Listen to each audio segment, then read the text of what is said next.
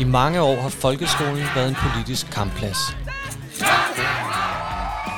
Men nu blæser nye vinde over vores fælles folkeskole.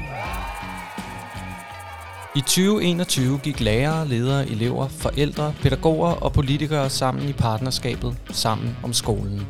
Her gav man hinanden håndslag på, at man i fællesskab skal finde veje løsninger på de store udfordringer, folkeskolen står overfor. Vi har landet øh, en aftale, øh, og det er elementer og ting, som der i mange år har været også øh, meget stor øh, diskussion og i øvrigt også uenighed om. Nu står vi over for et folketingsvalg. Men hvad vil vores politikere egentlig med skolen? Det spørger Danmarks Lærerforenings formand, Gordon Ørskov Madsen, partiernes skoleordfører om i vores podcastserie Skole laver vi sammen. Der er stadig alt for mange klasselokaler, hvor alle taler. Hvor et barn hænger i gardinerne, og en anden må sidde med ryggen til med hørebøffer på og en iPad. Og hvor I som lærer står med en fuldstændig umulig opgave. I dag har vi inviteret Socialdemokraternes skoleordfører, Jens Jol, i studiet for at tale om frihed til folkeskolen, om lærermangel og om hvordan vi skaber en skole, der griber flere af de mange børn og unge, der mistrives i dag. Velkommen til. Velkommen til, Jens Jol, Socialdemokratisk undervisningsordfører. Jeg er glad for, at du vil komme her i dag og snakke med mig. Jamen, tusind tak for invitationen. Vi skal snakke lidt om øh, folkeskole, skolepolitik, øh, hvordan det sådan ligesom går i den danske folkeskole lige nu, og hvad vi har gang, og, og hvad vi godt kunne, og hvad I godt kunne tænke jer som parti, at der bliver sat noget større fokus på. Så øh, allerførst, så kunne jeg egentlig godt tænke mig at, at, at tage fat der, hvor, hvor vi er lige nu. Øh, der har sådan været igennem mange år en tendens til, at folkeskolen var sådan en, en politisk kampplads. Øh, men jeg synes egentlig lige nu, øh, der, der synes jeg, vi har fundet hinanden, både sådan øh, i forhold til regeringen og i forhold til partierne i forligskredsen, og, og også som parter. Øh, hvad tænker du om det, og, øh, og hvad, hvad, hvad er dit partis øh, ambitioner på det felt? Jamen det er jo, altså jeg deler analysen af, at vi jo i virkeligheden har fået taget noget af det der politiske bravallersnak, og vi står på ølkassen ud af det, og så fået sat os ind i et rum, hvor man både partierne imellem, men jo også jer, som laver skolen i hverdagen, det er både øh, lærerne og forældrene og elevernes organisationer og kommunerne, alle, altså på en eller anden måde fået sat os om et bord og sagt, hvor er der problemer, og så lad os tage dem øh, et, et for et. Og det, det er da ikke nogen hemmelighed, at det har jo også været en, en erklæret målsætning. Altså, vi skulle ud af, af de der skyttegrave, som, som skolen øh, og skolens parter har jo lidt har været i, i forhold til det politiske niveau. Og, og det synes jeg sådan set er rigtig positivt, men det, der skal jo to til tango, og derfor kan man sige, at det er ret godt, at når vi havde det ønske, at der så faktisk også er blevet øh, taget, både taget godt imod det, men også leveret på det. Altså også nogle af de hårdnødder, vi har skulle diskutere først. Hvad skal vi sætte i stedet for de nationale test? Altså det var jo i virkeligheden en god, en god testcase på, kan vi kan vi faktisk finde ud af noget, også når det er svært, og når der er forskel. Vi dannede jo sammen om skolen øh, på ministerens initiativ, hvor vi jo sidder alle parterne, og så ordførerne og, og ministeren.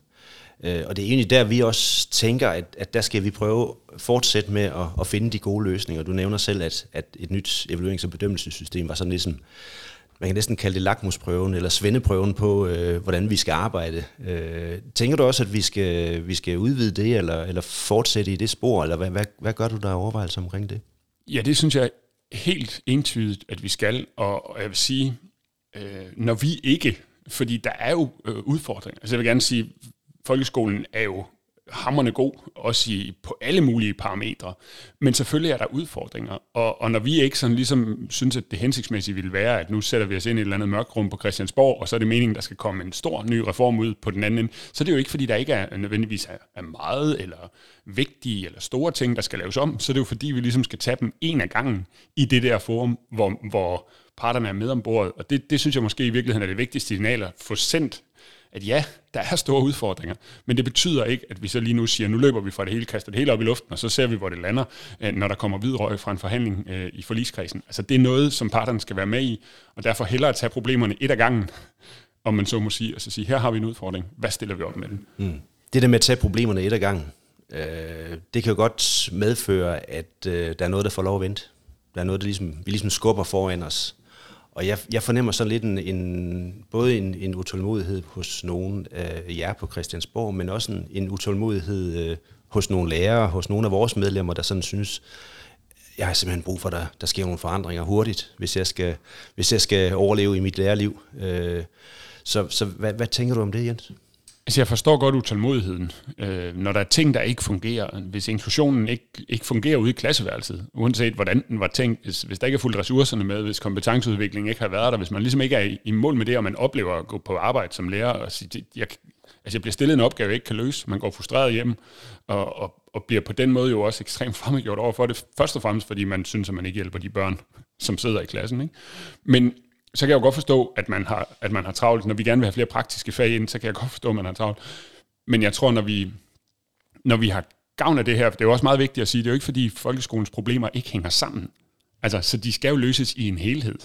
Og der tror jeg i virkeligheden, den bedste garant for, at der er en helhedstænkning, er jo, at de folk, der sidder inde omkring bordet, uanset om vi snakker inklusion, eller flere praktiske fag i skolen, eller hvad det er for en udfordring, vi tager fat på, så er det nogen, som kender skolen, og derfor også har det overblik, Altså, fordi vi skal jo ikke sidde med den ene hånd og lave noget i den ene måned, og så lave noget, der trækker den anden vej øh, i den anden, øh, eller i den næste måned. Så, så derfor tror jeg, at jeg kan godt forstå utålmodigheden. Jeg kunne også godt tænke mig, at man fikser det hele på én gang, men jeg tror også, at, at øh, vi må erkende, hvad er, ligesom, hvad er ligesom kapaciteten. Og så kan man jo sige noget af det, vi har gjort. Øh, nu har corona jo sat mange ting på den anden ende, men vi har jo så også fulgt op efter corona med at have nogle år, hvor der har været relativt udstrakt øh, frihed ude på skolerne, og det har jo også været en måde at sige, nu må vi ligesom få det til at lykkes, og, og lærerne og lederne, og altså alle folk tog jo et kæmpe ansvar under corona, og har jo i virkeligheden videreført det der med, at det er sådan set os, der skal skabe skolen, hvordan gør vi det bedst muligt, og nu fylder vi så, kan man sige langsomt,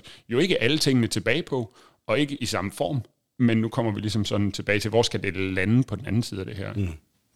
Ja, nu nævner du friheden. Øh, det er jo sådan et, et buzzword for tiden øh, i mange forskellige sammenhænge. Øh, det skal vi snakke noget mere om. Øh, da, ja, det er jo efterhånden noget tid siden, at statsministeren sådan lancerede, at nu ville der skulle gennemføres nogle, nogle tiltag øh, på de store velfærdsområder, her også folkeskoleområdet. Øhm, men, men den der med frihed, øh, jeg, jeg tænker tit, frihed er godt, det er der ikke ret mange, der kan være imod. Men, men vi er nødt til at definere, hvad det er, friheden skal bruges til. Altså, hvad, hvad er det frihed til at gøre? Hvad er det frihed til at, er, der, er, der, er det også frihed til at slippe for noget, eller, eller hvad er det for et ansvar, der følger med den frihed? Og det synes jeg, vi, vi har brug for ligesom at bevæge os lidt mere ind i, hvad, og, og få defineret med hinanden, fordi jeg synes da også, vi skal stadigvæk have en, en, en fælles folkeskole. Så det er jo ikke frihed til at skalte og valte med alt. Øh, der, der er også et ansvar, vi skal have, vi skal have fuldt op på. Øh, så det er jo det, øh, og det synes jeg, vi, vi taler lidt for lidt om nogle gange. Hvad tænker du om det? Jamen det er jeg enig i, at den politiske debat er jo nådesløs på den måde forstået, at det er ligesom i krigen. Ikke? Altså det første, der ryger, det er nuancerne. Og, og derfor så kan det, frihed lyder godt. Frihed er godt på mange måder. Det vi har set i Holbæk og Esbjerg, det er jo i virkeligheden nogle af, af de lærere i de kommuner siger jo, det kan godt være, at vi kunne have gjort det her under de gældende regler, men fordi hele følelsen er, at vi er blevet sat fri, så står vi sådan og tænker, nu gør vi bare et eller andet, og vi føler selv, at vi gør det, og, og derfor tager man ansvar for det. Og det viser jo meget godt, at hvis det ikke følger med, altså hvis den frihed og den bold, man er blevet givet, ikke bliver grebet og bliver brugt til at tage ansvar for skolen og levere en god skole, så, så bliver det jo håbløst. Og jeg synes da også, altså frihed er nemt at sige som overskrift, men, men det er jo ikke frihed til, til dårlig kvalitet. Altså, jeg synes da stadigvæk, vi bliver nødt til at insistere på, at, at folk, øh, der underviser i folkeskolen, skal have kompetencer til det. Altså, vi skal jo ikke have alderen værd til at undervise i folkeskolen. Det skal være nogen med lærerfaglige kompetencer, og derfor er det da vigtigt, hvem der er læreren. Det er da også vigtigt, at vi opdager de ordblinde. Det er da ikke sådan noget, man, altså, det er da ikke sådan noget, man skal have valgfrihed fra. Og jeg tror ikke, at der er nogen, der sådan set har slette intentioner, men vi er jo nødt til at diskutere de der ting, fordi alle kan blive enige om, at, at den stramme styring på en eller anden måde har spillet for lidt. Altså man kan ikke styre sig ud af problemet med dårlige undervisere eller dårlige ledere. Du kan lave en masse regler, en masse checkpoints, en masse skemaer, der skal krydses af, eller ting, der skal opfyldes formelt. Men det fanger ikke rigtigt dem, der ikke løfter deres opgave. Til gengæld irriterer det alle dem, der faktisk godt kan finde ud af det uden skemaerne. Ikke? Og derfor kan man jo sige, at vi skal jo meget mere kvalitativt gå ind og, og sige, her på de her skoler, er der en udfordring, så lænder vi os rigtig ind over og følger med i, hvad der sker. Og, og, og så de 90 procent, hvor der ikke er problemer, de får så større frihedsgrader. Men, men uanset om, altså hvis man er i 90 procent kategorien, og i virkeligheden har udstrækte frihedsgrader, så er der selvfølgelig nogen hegnspæle, og derfor er det sværere at diskutere. Det er jo det der. Og så kan man høre partierne, fordi så kommer de løbende med deres egen lille øh, yndlingsemne, og så, og så skal det være det, som er vigtigt for SF, og så er det, som er vigtigt for Socialdemokratiet, og så er det, som er vigtigt for Venstre, og så ender vi tilbage i alle de regler, vi havde før. Ikke? Og det, det er jo den diskussion, der er den interessante, og som vi, hvor vi bliver nødt til at snakke om hinanden. Hvordan sikrer vi en folkeskole, så man som en af, af lederne på, på Esbjerg-skolen her sagde den anden dag, ikke? så man faktisk kan flytte kommunen øh, midt i sin skolegang, uden at det går helt rabundus. Hvordan sikrer vi, at der ikke er et års forskel på den skolegang, man tilbyder den ene ende af landet, i forhold til, hvad man tilbyder den anden ende af landet? Hvordan, hvordan sikrer vi nogle af de der sådan, fælles standarder, så det er vores folkeskole? Noget, man trygt og roligt kan læne sig tilbage og sende sine børn i, fordi man ved, at det er ordentligt, uanset hvad det er for en. Sådan mm. Noget af det, man også siger i, i både Esbjerg og Holbæk, det er, altså fra lærernes side, og vi hørte også fra skoleledernes og forældres og elevers side, det er, at det skaber et større engagement. Det skaber simpelthen en større, øh, ja, en større tilfredshed med, at man rent faktisk har noget, noget indflydelse til at gøre sin, for, for lærernes vedkommende, altså gøre sine øh, kompetencer gældende. Altså det, man kan, vil man gerne bringe i spil. Man vil gerne prøve at udvikle undervisningen, udvikle de pædagogiske metoder, udvikle den skole, man er en del af. Øh, og det er en ambition, alle bærer på og hvis vi kan bringe den i spil. Øh, men, men, øh, men samtidig så tror jeg også, det er vigtigt, som du siger, at, at der skal også være nogle fag, der er fælles. Der skal være noget, et, et formål med skolen, der er fælles. Der skal være nogle, nogle forpligtelser, øh, og vi skal også have samlet op på dem, der... Øh, det kunne jeg godt tænke mig, at vi, vi, vi, vi måske foldede lidt mere, eller du kunne folde lidt mere ud. Det her med, hvad, hvad er det for et ansvar, vi så giver ud? Øh, fordi nogle steder, altså vi vil altid opleve, at der er noget, der ikke fungerer og, og hvordan kan vi så, i stedet for at tage en stor hammer øh, og hammer de skoler oven i hovedet, hvordan kan vi så understøtte de pågældende skoler? Det synes jeg er et, er et vigtigt spørgsmål, vi får drøftet med hinanden også. Men det der er helt åbenlyst, og jeg er enig i, at når vi overhovedet diskuterer den der frihed, så er det jo, som jeg sagde før, når de i Holbæk siger, vi kunne muligvis godt have gjort det tidligere, vi har bare ikke gjort det, så er det jo fordi mentalt havde man opfattelsen af, vi skal følge en dosmerseddel, det er ikke ligesom mig, der har bestemt, hvordan den skal se ud, så nu går jeg ind og krydser af. Det er klart, det at man lige pludselig får at vide, der er meget få rammer, så, så man sådan, okay, så, må jeg, så skal jeg lave min egen øh, dosmersal. Så er det mig, der er ansvarlig. Og, det, og nogle af tingene kunne man muligvis godt have lavet, men der er en kæmpe energi i, at man selv ligesom siger, det her, det er den måde, jeg godt kunne tænke mig at undervise på. Og så i forhold til det der med, hvad man skal, altså, hvordan man kan lave det engagement, samtidig med, at det jo ikke er en frihed til at bedrive dårlig skole, eller være ligeglad øh, med enkelte af eleverne, eller hvad det nu kan være. Og det er der jo ingen lærere, som, som har som ambition, eller som egentlig går ind til det med. Men det er selvfølgelig klart, hvis der er, øh, hvis ressourcerne, hvis, hvis kompetencerne, hvis skolens ledelse, altså hvis der ikke er rammerne omkring, så at man kan løfte opgaven, så er vi jo nødt til øh, at sige, okay, hvad, hvad kan vi så gøre for at bringe den her skole og den her lærer i klassen i stand til faktisk at løfte den opgave. Og det er en diskussion, som er, som er væsentlig, fordi det er jo ikke sådan, at nogen af os forestiller os, at vi skal være ligeglade øh, med, hvad der sker i skolen, men heller ikke sådan, som man kan sige. Til gengæld så vil jeg sige, der har jo været sådan en, en tendens til i politik over de år, jeg har været aktiv, at hver gang der var et problem, så skulle det ligesom løses med, altså hvis der var et sted, hvor de på plejehjemmet gik ud og handlede i deres arbejdstid, så blev der lavet regler på alle plejehjemmene om, at man ikke må handle i sin arbejde, altså privat handle ind i sin arbejdstid. Ja, no shit, Sherlock. Altså, men hvorfor skal det egentlig være en regel, som gælder alle steder? Hvorfor ringer man ikke ud til den leder og siger, du må få styr på dine medarbejdere? Og lige sådan skal vi jo sige, hvis der opstår et problem i skolen, øh, nogen, en gruppe eller nogle elever eller et eller andet, som føler sig overset, eller som, som ikke føler, at kommunen løfter opgaven, så, så skal svaret fra Christiansborg jo ikke altid være at sige, så tager vi det ind centralt og laver en regel. Så skal svaret måske nogle gange være på at ringe til Halsnes og spørge dem, hvordan de vil få styr på det der, eller et eller andet. Ikke? Altså, og derfor skal vi jo også være bedre til at lade være med at tro, at det er os på Christiansborg, der skal løse alle opgaverne. Jamen, når vi taler om, om frihed til skolerne, øh, så er vi, tror jeg også samtidig øh, enige om, at, at der, skal være nogle, der skal være nogle fag, man skal undervise i, der skal være nogle undervisningstimer, der skal være nogle krav til skolen, og der skal være nogle rammer osv., som, som, som vi alle sammen er forpligtet af, og alle skoler er forpligtet af. Men hvordan sikrer vi rent faktisk, at der så også er finansiering af folkeskolen? øh, sådan at, at, at man ikke bare kan spare den ned under gulvbrædderne? Jamen, jeg tror i virkeligheden, at man... Altså først og fremmest skal man jo sige, hvis man har en pose penge til at drive skole for, så skal den ikke øh, bare kunne gøres mindre af, at man har lyst til at flytte pengene over på ældreområdet, eller ud på vejene, eller et eller andet. Altså, det kan man godt lave en binding på, og så kan man sige, så kan man give en lidt større frihed til, at, at man måske på et trin kan sige, her har vores elever brug for at få lidt flere af de her timer, lidt færre af dem her lige nu, for at beholde gejsten. Øhm, men, men når vi lavede i sin tid minimumstimetal og sådan noget, så var det jo også for at undgå, at kommunerne skaffer meget ned, at der blev for stor forskel. Og derfor kan man sige, at man kan godt låse midlerne og pengene til skolen, uden at man nødvendigvis låser dem i 24 af den her slags timer, og 28 af den her, og så videre, så videre. Ikke?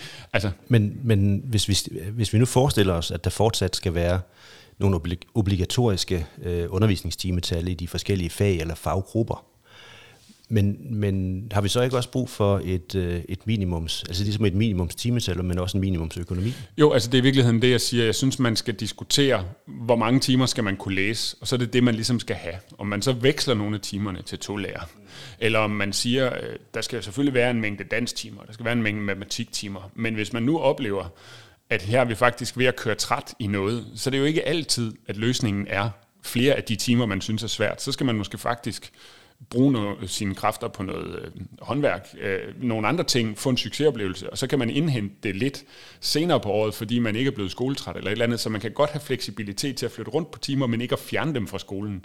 Og derfor tror jeg, at det er sådan, man skal kigge på, på styringen af, af antal timer. Mindre skarp på lige præcis, hvordan de bliver læst, eller hvad for nogen, men øh, skarp på, at man ikke bare kan tage dem ud af skolen, så ressourcerne forsvinder.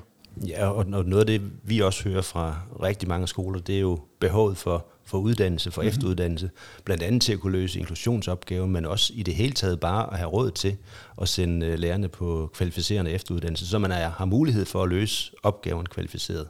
Og det er der ligesom ikke rigtig sikret finansiering på nogen steder.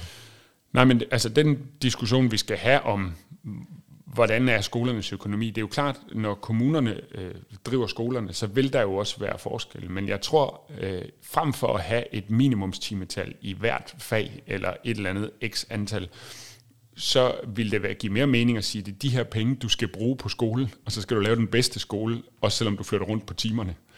Øh, det vil være mere en, en mere sund måde at styre på, tror jeg, fordi man styrer mere på rammen, og lidt mindre på indholdet. Øh, men så kan man jo lade det være op til, til skolerne, hvordan får vi så faktisk mest ud af, af de ressourcer, vi har i forhold til den elevgruppe, vi sidder med. Mm. Vi, vi skal også lige øh, vi skal også tale om de, inklusion. Det er, øh, hvis, når, jeg, når jeg taler med lærerne, øh, så er det største, den største udfordring og de største problemer, de har i deres lærergærning, det er øh, at kunne tage sig ordentligt af de, alle de elever, man har ansvaret for i undervisningen. Der er simpelthen nogle børn, man ikke, man ikke synes, man tager sig godt nok af. Og der er en, en, en del lærere, som, som hvis ikke dagligt, så i hvert fald næsten dagligt, synes de føler sig utilstrækkelige i forhold til at løse den undervisningsopgave, man, man har. Øhm, vi har også sat spot på det sammen om skolen, øhm, og vi kommer også til at diskutere økonomi, fordi lige så vel som at, at der skal være økonomi til at kunne varetage alle undervisningstimerne i alle fagene, så skal der også være økonomi til at kunne varetage øh, inklusionsopgaven, fordi det er en kæmpe opgave, vi står med som, som skole og som samfund. Kan du ikke prøve at sætte nogle, øh, nogle ord på det? Hvad, hvad gør du der tanker om det, og, og hvad, hvad tænker du, at øh, der, skal, der skal ske på det felt? Jamen altså, jeg, jeg tror for det første, at du har ret i, at, at hvis ikke vi får styr på inklusionsopgaven, hvis ikke vi får løst det, altså, så kommer folkeskolen ikke til at fungere, fordi det er et altoverskyggende problem for rigtig mange af de børn og de klasseværelser, hvor alle taber lige nu, både dem med særlige behov, men jo også dem, der ikke har særlige behov, men som jo stadigvæk har behov for, for undervisning og stimulering og blive set og hørt og alle de der ting. Altså, og jeg forstår godt, hvis lærerne, hvis det er det, der kan få for eksempel lærere til enten at gå ned med stress, eller forlade faget, eller et eller andet, fordi de siger, det her, det kan jeg jo ikke løse. Altså, jeg, jeg står simpelthen bare og svigter nogle børn, og jeg kan se det, jeg kan ikke gøre noget ved det. Så det er helt åbenlyst, og, og vi har diskuteret det, og ja, det handler også om ressourcer, det handler også om specialisering, og, og altså, jeg har også den bog, jeg skrev om folkeskolen, der et af de store problemer, jeg tog op, var faktisk inklusionen, og siger, den Salamanca-erklæring, det at ambitionen om, at alle er en del af et større fællesskab, er jo rigtig, rigtig godt. Problemet var bare, at man troede lidt, at man kunne komme til Salamanca på monkey class, altså på en billig flybillet. Ikke? Øh, og derfor så, så rigtig mange steder, så fik man sagt, hvad er, altså, hvor mange børn har ligesom behov for undervisning her? og hvor mange har vi til det, og så må det så ligesom gå op, og så blev læreren stillet en umulig opgave. Og jeg tror både det handler om, at, at for mange endte med at blive sendt ind i normal undervisning. Altså vi har simpelthen brug for at rulle en lille smule baglæns, men der hvor vi ikke skal rulle baglæns, altså hvor, hvor eleven faktisk godt kan sidde i, i almenklassen, måske endda øh, hele ugen. Hvis der så skal være støttetimer på, så er det jo klart, så kræver det både, at der er penge til timerne, altså der er en ekstra lærer i den, men det kræver også, at kompetencerne er hos den lærer, og derfor så er diskussionen omkring øh, co-teaching eller alle mulige mellemformer, er jo hele tiden et spørgsmål om kompetencer og ressourcer, som skal matche den udfordring, man står med, fordi det er, når man, altså, nogle steder har man brug for næstklasser, nogle steder har man brug for to støttetimer, og, og der er ikke én rigtig løsning, men begge dele kræver jo nogle ressourcer og nogle kompetencer, og de skal så afvejes efter den opgave, man står med. Og, og det tror jeg i virkeligheden er der, hvor rigtig mange lærere har følt, vi har fået en opgave, som, som svarede til 10 timer, vi har fået to, eller vi har fået en opgave med nogle autistiske elever, men vi har ikke nogen i, i, på, i klassen, som faktisk har den viden, der skal til for at håndtere de her elever, eller, de her behov, eller sætte det op.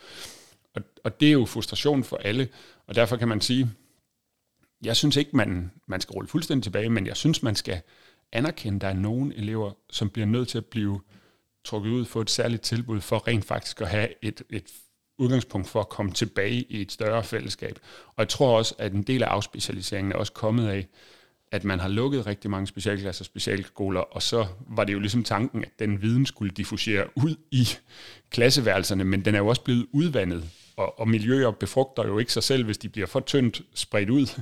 Og derfor tror jeg også, at vi har mistet en, en lille smule sådan i forhold til at, at udvikle det felt. Det er også derfor, vi sidder og diskuterer lige nu med ny læreruddannelse. Skal speciallærer igen være noget, man kan læse på linje? Det hedder det ikke længere, men jeg er gammel nok til at stadigvæk at sige det sådan. Ikke? Altså skal det være ligesom et, noget, man kan specialisere sig i? Og, og det er jo rigtigt, at alle skal kunne lidt, men vi er simpelthen også nødt til at have nogen, der kan lidt mere i dybden. Ikke? Ja, vi er nødt til at finde ud af, hvad er det for nogle kompetencer, man skal have ude på den enkelte skole. Hvad skal være til stede der, man kan, man kan trække på der hos lærerne, både hos den enkelte lærer, men også hos lærerteamene. Og hvad er man nødt til at kunne trække ind i skolen, for eksempel fra PPR, for, for at kunne løse de opgaver, man står med. Og det, det har vi ikke rigtig fundet den rigtige balance på endnu. Men, men jeg kunne godt tænke mig sådan, øh, altså kunne vi ikke tænke investeringer ind i det her? Kunne vi ikke tænke i, altså jeg synes jo, øh, når man kigger på børn og unge i dag, så er der altså ganske mange, der ikke, øh, der ikke trives. Der er mange, der, øh, der, der er kede af det i, af, forskellige grunde, der, der har noget at slås med. Det kan være social karakter, men der, der er altså også nogen, der ikke synes, de, de, de, de rigtig passer ind, eller, eller måske ikke rigtig får, det, øh, får den hverdag, som, som, de, som de burde have, og ikke får den støtte og hjælp, som de burde have. Det tager de altså med op i deres ungdomsliv, deres voksenliv. Ofte får man ikke rigtig taget nogen uddannelse, man kommer ikke rigtig ind på arbejdslivet, eller ja, ind på arbejdsmarkedet. Det er menneskeligt øh, for nogens vedkommende en katastrofe, efter min bedste overbevisning. Men det er jo også økonomisk dumt, at vi ikke får investeret i tide, sådan at vi kan sørge for, at, at øh, børn, unge får et godt liv, der også gør, at de øh, kommer til at kunne klare sig i tilværelsen. Så den der investeringstankegang, synes jeg, vi burde øh, skal man sige, beskæftige os noget mere med, interessere os for. Øh, af, af flere grunde. Men altså, selvfølgelig, det, kan jo besvare, øh, betale sig at investere i mennesker. Ikke bare menneskeligt, fordi de selv får bedre liv, men også økonomisk. Og det, det tror jeg sådan set fuldt og fast på, man kan sige, at vi sidder her og diskuterer uddannelse. Altså, det, at, at uddannelse er noget, man, man får gratis i vores land, det er jo fordi, vi ligesom kunne se, at det var godt både for den enkelte, men også for kollektivet at der blev fyldt på alle steder. Så, så det tror jeg er helt åbenlyst. Læreruddannelse skal vi også tale om. Jeg, jeg er lidt ked af, at øh, opfattelsen af lærerjobbet øh, hos nogen i vores samfund, hos nogle unge også, er, er sådan lidt, øh, lidt negativt. Altså, det er ikke så... Øh, I hvert fald kan vi se på, på søgningen til læreruddannelsen, at det har været kraftigt i fald igennem de seneste øh, 10-12 år der har været, øh, ja, bare i forhold til sidste år til i år, der er, er faldet på 11 procent i, i, øh, i optaget på læreruddannelse. Vi er ved at være meget langt nede i antallet, der, der, der så gennemfører en uddannelse, fordi der er også et 35 procent af dem, der, der så går på læreruddannelsen, der falder fra. Så vi, vi kan egentlig se frem til, til, hvis ikke vi gør noget ved det her, øh, at øh, vi, vi kommer til at mangle endnu flere lærere, end vi gør i forvejen, øh, og det er slemt nok i forvejen. Så, så på den måde, så, så har vi brug for dels at få øh, ændret de unges opfattelse af, hvor vigtigt det er at, at, at, at gå ind og, at være en del af, af det fællesskab, folkeskolen er, og, og påtage sig den opgave. Og jeg tror i virkeligheden, mange gerne vil det. Vi kan se, at 10% overvejer at søge ind på læreruddannelsen øh, mens kun 4% søger ind. Så der er nogen, der overvejer det, øh, faktisk rigtig mange, uden at søge ind. Det kunne være interessant at finde ud af, hvad er grundene til det. I hvert fald så har vi brug for, at der er flere, der søger ind, mm-hmm. der er flere, der gennemfører, der er flere, der bliver øh, som lærer i folkeskolen. Hvad, mm. hvad skal vi gøre ved det? Jamen, altså, jeg er fuldstændig enig, og man kan vel... Altså, det er jo en bombe øh, under vores, øh, vores samfund, øh, sådan folkeskolen specifikt, men jo helt generelt i forhold til, til vores øh, demokrati og, og velfærdsmodeller og alt muligt andet, hvis ikke vi har kompetente lærere. Jeg kunne, altså, hvad er næsten mere vigtigt, end at sørge for, at, at kommende generationer faktisk kan bære faklen videre? Så, så det er jo helt indlysende. Jeg tror, man er nødt til at angribe det flere steder fra. Der er ligesom nogle ting omkring uddannelsen. Der er nogle ting omkring det der med at i talsætte det her som krumtapper i vores velfærdssamfund. Og så er der selvfølgelig også noget med at sørge for, at de rammer, man så kommer ud til bagefter uddannelsen, at de ikke er håbløse. Og det er jo derfor, at det er så interessant, når vi på Christiansborg diskuterer velfærdslov, eller hvad det nu er blevet kaldt. Men det der med, altså, er det noget, man skal forpligte sig på? ja, gud døde, men skal man forpligte sig på, at når der kommer flere børn, så er vi også nødt til at have nogle flere lærere. Altså, hvis man vil have en højere kvalitet, så er man nødt til at investere i det, apropos det, vi snakkede om før. Og derfor synes jeg jo, det går hånd i hånd, men, men det er jo også svært, så afsætter vi en, en lærermilliard. Øh, og så er meldingerne derudefra, jamen det er jo svært at finde nogle lærere. jo jo, men hvis man så sagde, så tager vi den der milliard igen, så kommer der heller ikke nogen lærere, fordi hvis ikke de ved, at man faktisk har lagt hånden på kogepladen og vil øh, have dem ansat, så, så det er sådan høn og ægget, men vi er jo nødt til at gøre det hele på én gang. Men vi skal jo sørge for at kunne øh, sige, finansiere vores folkeskole, fordi en, en del af det at kunne rekruttere flere til, til læreruddannelsen og til lærergærningen, er jo også, at vi kan fastholde dem, vi har. Fordi det er jo, det er jo netop af dem, der er, hvad skal man sige, øh, øh, dem, der danner øh, billeder på øh, for de unge, at der vil man gerne helst. Hvis, hvis lærerstuderende i deres praktik møder en, en skole, der, der ikke øh, fungerer godt nok, jamen så er det måske det, der er grunden til, at 35 procent falder fra i løbet af læreruddannelsen. Så der er mange skruer, vi skal dreje på øh, i den her sammenhæng. Men fuldstændig enig, og det er derfor, det både handler om uddannelsen, men også om den skole, man kommer ud på øh, bagefter, og så i øvrigt om samfundsdiskussioner. Man kan sige, vi har jo den fordel, når vi diskuterer, at vi gerne vil rekruttere flere lærere, at alle jo på en eller anden måde ved, hvad det er. Altså, der er rigtig mange børn og unge, som ikke ved, hvad en industritekniker er. Øh, men alle har jo gået i skolen og har en fornemmelse af, hvad det at være lærer er. Og det er måske derfor, så mange tænker på det som en mulig profession. Så skal vi bare lige sørge for, at flere øh, hopper på vognen, fordi de faktisk kan se, at det også giver dem chance for at være noget for unge mennesker, som, som, altså på en god måde. Jeg tror, vi er ved at være øh, rundt om, om, om de væsentligste emner, øh, som, som vi diskuterer på folkeskoleområdet lige nu. Øh, både inklusion og hvordan vi gør lærerfaget attraktivt, og hvordan vi finansierer folkeskolen osv., har vi været omkring. Jeg vil sige dig tusind tak, øh, Jens, fordi du kiggede forbi her i øh, podcaststudiet. Jeg håber, at I får en, øh, en rigtig god øh, valgkamp. Det vil jeg ønske jer og de øvrige partier. Og så vil jeg øh, glæde mig til, at vi kan fortsætte øh, det gode samarbejde på den anden side af valget. Jamen, tusind tak for invitationen. Det er altid en fornøjelse at snakke skole. Så vi ses snart igen til det. Det gør vi.